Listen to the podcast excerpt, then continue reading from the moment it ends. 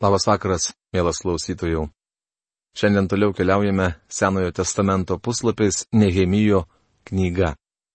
Noriu priminti, kad praėjusioje laidoje pradėjome nagrinėti trečiąjį šios knygos skyrių, kurio tema - sienų ir vartų atstatymas. Šiandien laidą pradedame nuo slėnio vartų atstatymo apžvalgos. Slėnio vartus pataisė Hanūnas ir Zanoacho gyventojai atstatė įdėjo duris, pinas ir velkės. Jie atstatė tūkstantį sienos uolekčių iki pat mėšlo vartų. Nehemijo knygos trečios skyriaus 13 eilutė. Pro slėnio vartus galima buvo išeiti iš Jeruzalės į slėnį. Vartai galėjo būti bet kurioje miesto pusėje, nes norint išeiti iš Jeruzalės vis tiek reikėjo leistis į slėnį. Daugelis iš mūsų esame pašaukti eiti pro šiuos vartus. Kai mastau apie slėnio vartus, mintyse iškyla mirties šešėlio slėnis. Visi vaikštome tuo slėniu. Davidas apie jį kalbėjo 23 psalmėje. Einant tuo tarpekliu, jis vis siaurėja ir siaurėja, kol, jei viešpats neateis, turėsime išeiti tiesiai per slėnio vartus. Šie vartai mus moko ir nusižeminimo bei nuolankumo. Kartais Dievas veda mus per išbandymus ir sunkumus tam, kad pamokytų svarbių dalykų. Biblijoje rašoma, jog tikėjimas mumise išugdo įvairias vertybės ir viena iš jų - kuklumas. Laiške kolosiečiams jis vadinamas nuolankumu. Patys mes negalime jo išsiugdyti. Nusižeminimas kyla iš vidaus, tai šventosios dvasios vaisius. Prisimenu vieną vyrą, kuris savo draugui pasakė, stengiausi būti nuolankus ir galiausiai man pavyko. Draugas atsiliepė, žinau, jog tuo didžiuojasi. Vyriškis patvirtino tikrai taip, Tačiau nuolankumo neįmanoma pasiekti žmogiškomis pastangomis. Nuolankiais mus padaro Dievo dvasia. Girdėjau pasakojimą apie vieną Škotijos tarnautoją, kuris besimokydamas seminarijoje buvo pažangus studentas. Kartą jį pakvietė pamokslauti vienoje bažnyčioje. Kadangi jis buvo klasės pažyba, tai įžengė į sakyklą su dideliu pasididžiavimu. Tačiau atsistojęs pamokslauti prieš susirinkusiuosius, tas studentas sutriko Jis suprato, jog studijuojant, parašyti pamokslą popieriuje lengva, tačiau atsistoti ir pamokslauti visai kas kita. Jaunuolis išsigando, jis pamiršo viską, ką žinojo. Baigęs pamokslais, nulipo nuo sakyklos labai susigėdęs ir nusižeminęs.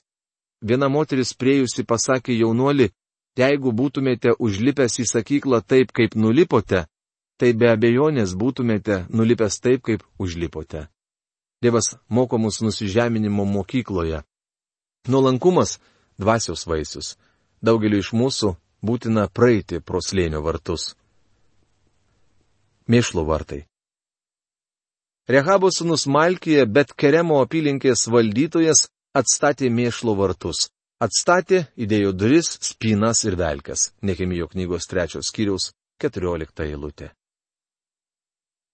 Šie vartai svarbus miesto sveikatai, tačiau apie juos parašyta nekažinkas. Šiandien mėšlo vartai veda prie Jeruzalės raudų sienos, tačiau Nehemijo dienomis jie buvo Siono kalno pietvakarinėme kampe. Pro mėšlo vartus buvo išnešamos šiukšlės ir atmatos. Antrame laiške korintiečiams septintos kiriaus pirmoje eilutėje Paulius rašo, taigi mylimieji turėdami tokius pažadus apsivalykime nuo visų kūno ir dvasios dėmių, Dievo baime, padarydami savo šventumą tobulą. Mes turime suvokti, jog privalome išpažinti savo nuodėmės Dievui. Sažininga išpažintis padeda atsikratyti nešvarumų. Jeigu išpažįstame savo nuodėmės, jis ištikimas ir teisingas, kad atleistų mums nuodėmės ir apvalytų mus nuo visų nedorybių. Rašoma pirmame Jono laiške, pirmame skyriuje, devintoje eilutėje. Šaltinio vartai.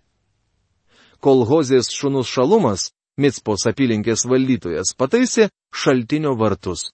Jis atstatė juos, apdengė, įdėjo duris, pinas ir velkės. Jis atstatė ir Šelaho tvenkinio sieną prie karaliaus sodo iki pat laiptų, kurie leidžiasi iš Davido miesto. Nehemijo knygos trečios skyriaus penkiolikta eilutė. Tikiu, jog šaltinio vartai kalba apie tai, ką mūsų viešpats pasakė moteriai prie šulinio o kas gers vandenį, kurį aš duosiu, tas nebetrokš per amžius, ir vanduo, kurį jam duosiu, taps jame versme vandens, trykštančio į amžinai gyvenimą. rašoma Jono Evangelijos ketvirtos kiriaus keturioliktoje eilutėje.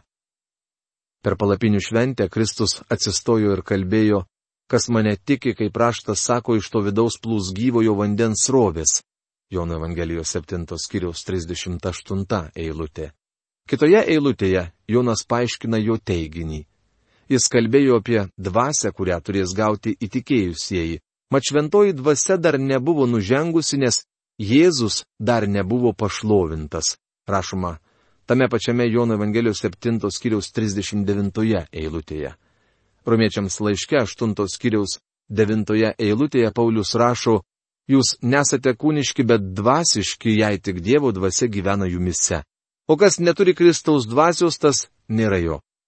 Šaltinio vartai moko mus, kad kiekviename tikinčiajame gyvena Dievo dvasia ir kai tikintysis pripildomas dvasia, jis tampa ne tik šuliniu, bet ir šaltiniu gyvojo vandens, kuris trykšta, kad palaimintų kitus žmonės.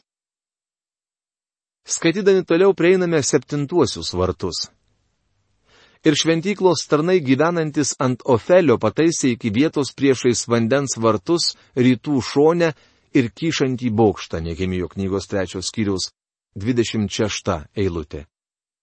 Pro vandens vartus į miestą buvo gabenamas vanduo. Per akveduką į miestą patekdavo tik dalis vandens, o likęs buvo atgabenamas per vandens vartus. Apie ką mums kalba vandens vartai? Aš tikiu, kad jie simbolizuoja Dievo žodį. Toliau skaitydami šią knygą pamatysime, kad kaip tik čia Ezra pastatė sakyklą. Pastatė sakyklą prie vandens vartų, jis skaitė iš Dievo žodžio. Jo pasirinkta vieta buvo simbolinė. Tai patvirtina Naujasis testamentas, kai kalba apie nuplovimą žodžio vandeniu. Viešpats Jėzus Kristus kalbėjo, jūs jau esate švarūs dėl žodžio, kurį jums kalbėjau. Jono Evangelijos 15 skyriaus 3 eilutė. Savo maldoje Evangelijoje pagal Joną 17 skyriaus 17 eilutėje viešpats kalbėjo, pašventink juos tiesa, tavo žodis yra tiesa. Vandens vartai simbolizuoja Dievo žodį, mes esame nuplauti žodžio vandeniu. Kai tik pro šiuos vartus mes stengiamės skelbti žodį. Visi privalome būti pasiuntinukais, kurie atneša ištroškusiems vandens. Psalmininkas klausė, Kaip gali jauni žmonės nepalūšti savo kelyje? Kosto burbulio vertime šie eilutė skamba taip, kaip gali jaunuolis savo kelią išlaikyti tyrą, kaip jis gali apsivalyti, laikydamasis tavo žodžių. Atsakoma 119 psalmės 9 eilutėje. Stulbina tai, jog vandens vartų nereikėjo taisyti. Greičiausiai, kai kiti vartai ir sienos buvo nugriauti, vandens vartai liko nepaliesti. Tai buvo keista.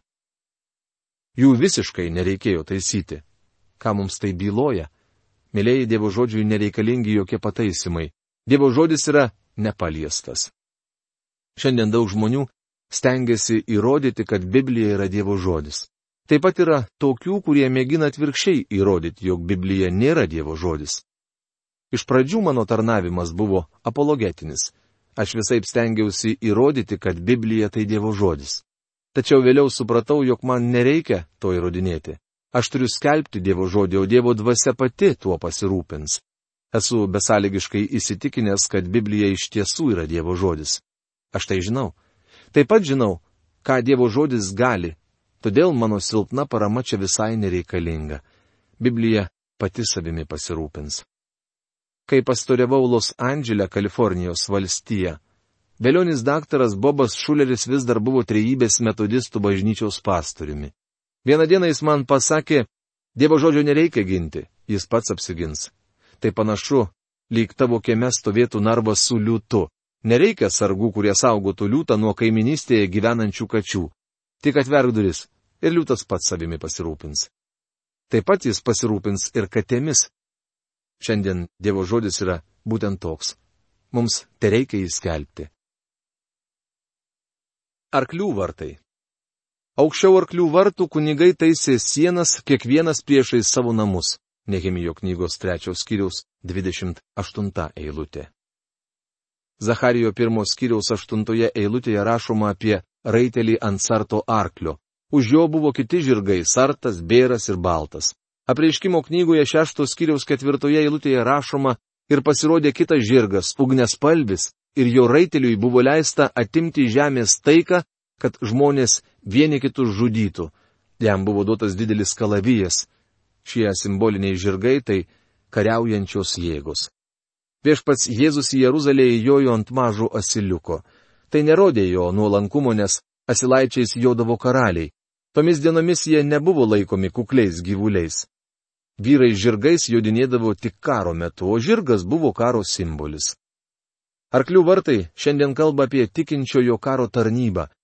Efeziečiams antros kiriaus šeštoje eilutėje Paulius sako, jog Dievas mus prikėlė ir pasodino danguje Kristuje Jėzuje. Šis stulbinanti tiesa atskleidžiama pirmoje laiško dalyje. Antrojoje laiško Efeziečiams dalyje Paulius ragina elgtis kaip dera jūsų pašaukimu, į kurį esate pašaukti. Žiūrėkite Efeziečiams laiško ketvirtos kiriaus pirmą eilutę. Mūsų galvos danguje, tačiau kojos ant žemės, kurią turime vaikščioti. Ir ne tik tai. Efeziečiams šeštos kiriaus vienuoliktoje eilutėje Paulius ragina apsiginkluokite visais Dievo ginklais, kad galėtumėte išsilaikyti prieš velnio klastas. Ši kova yra dvasinė. Toliau Efeziečiams šeštos kiriaus dvyliktoje eilutėje Paulius tęsė. Mes grūmėmės ne su krauju ir kūnu, bet su kunigaikštystėmis, valdžiomis, šių tamsybių pasaulio valdovais ir dvasinėmis blogio jėgomis dangaus aukštumose. Šiuo metu susidomėjimas Dievo žodžiu auga, bet priešininkų taip pat daug. Savo gyvenimo dienomis Paulius patyrė tą patį.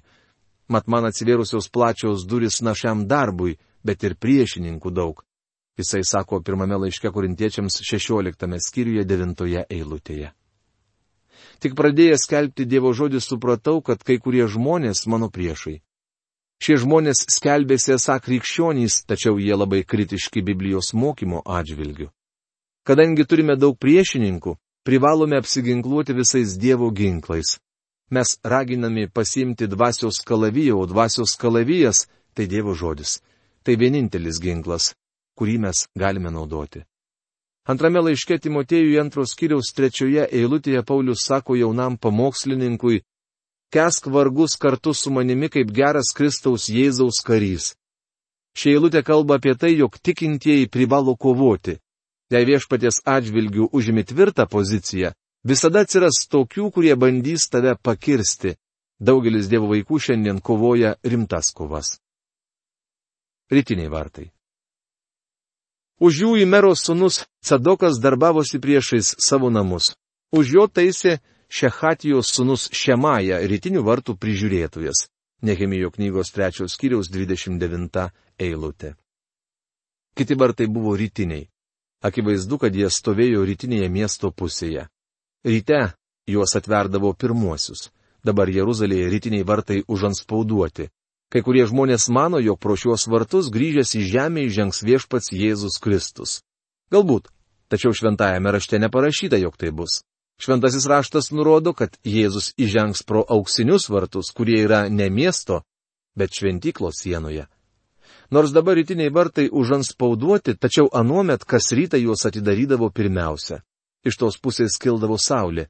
Per visą naktį sargybinis būdėdavo ant sienos, vaikštinėdamas pirmin atgal. Anksti ryte jis ateidavo prie rytinių vartų ir stebėdavo horizontą, kol imdavo švisti. Galbūt mieste buvo žmonių, kurie naktį nerimaudavo ir bijojo, kad tamsoje gali slapstytis priešas ir negalėdavo užmigti. Galiausiai jie paklausdavo, sargybini, kiek dar liko nakties? Ar ji kada nors baigsis? O sargybinis atsakydavo, kol kas dar tamsu, tačiau rytas jau aušta. Netrukus rytų horizonte imdavo švisti. Galiausiai sargybinis duodavo ženklą, jau prašvito, priešų nesimato, saulė kyla.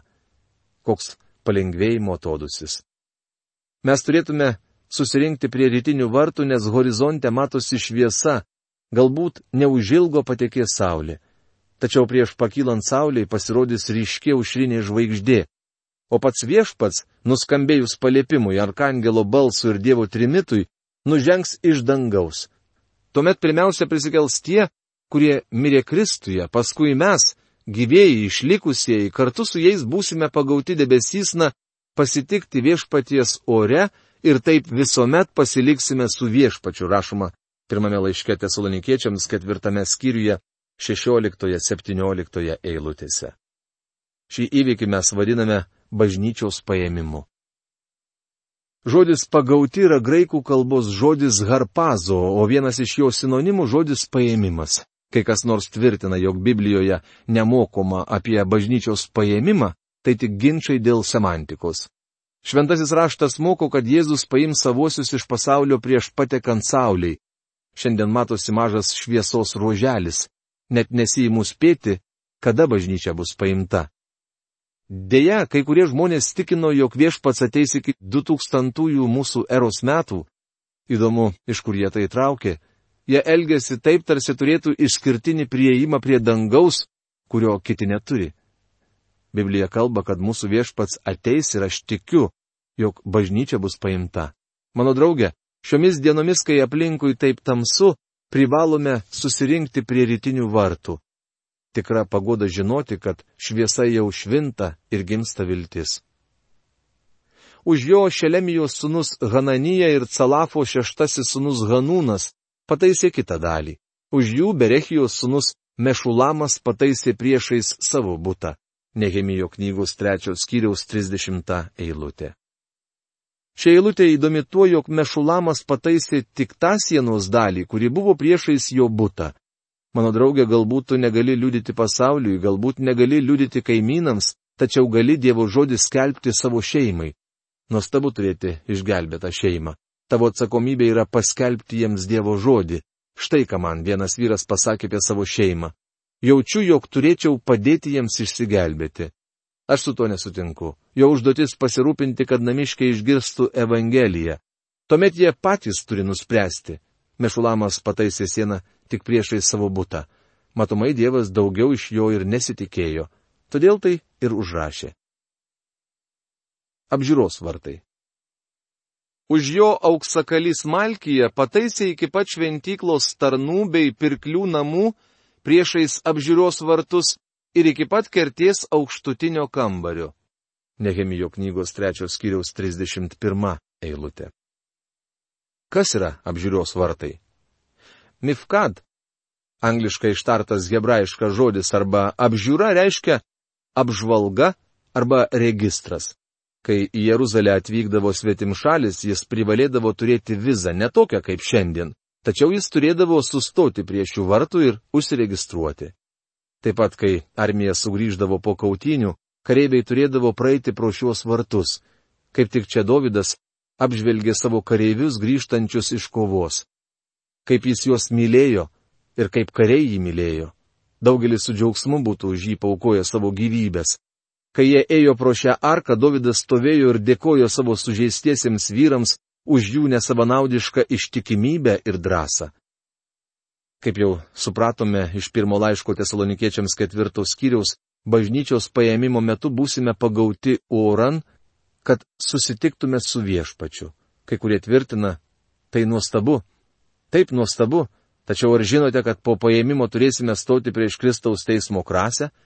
Juk mums visiems reikės stoti prieš Kristaus teismo krasę kad kiekvienas atsimtų, ką jis gyvendamas kūnė yra daręs gerą ar blogą, rašoma antrame laiške korintiečiams penktame skyriuje dešimtoje eilutėje.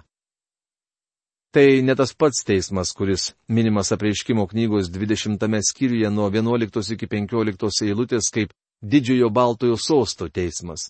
Prieš Kristaus teismo krasę stos tik tai tikintieji, nes jo teismas bus ne dėl išgelbėjimo, bet dėl atlygio tikintieji atsims atlygį už tai, ką padarė gyvendami žemėje. Jei nesi išgelbėtas, nestosiu prieš Kristaus teismo krasę. Tau bus atlyginta pagal tai, ką esi padaręs gerą ar blogą.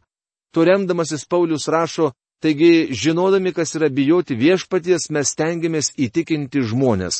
Antras laiškas korintiečiams penktas skyrius, vienuolikta eilutė. Iš tiesų Paulius sako, nori būti užimtas, nes turėsiu pateikti ataskaitą, ar dirbau 8 valandas per dieną, ar skiriu viešpačiui 60 minučių per valandą, 24 valandas kasdieną, 7 dienas per savaitę. Paklusdami įstatymų žydai Dievui skirdavo tik vieną dieną, tačiau mūsų viešpats moko jo, kad ir ką darytume, viską turime daryti kaip jam. Dievui nesvarbu, ar mes plauname indus ar kasame griovius. Kažkas pasakė, gali taip tiesiai ir gerai iškasti griovį, kad net Dievas galėtų jį keurai permatyti. Mano draugė, vieną dieną jis peržiūrės visus griovius. Jis atidžiai pasižiūrės, kaip tu čia gyvenai. Toks yra apžiūros vartų paveikslas. Davidas žinojo savo nukentėjusius kovoje vyrus ir jų žygdarbius. Kartais jis pasišaukdavo kokį karį ir sakydavo, turiu tau atlygį. Daug nežinomų krikščionių bus pakviesti prieš Kristaus teismo krasę, kad atsimtų atlygį.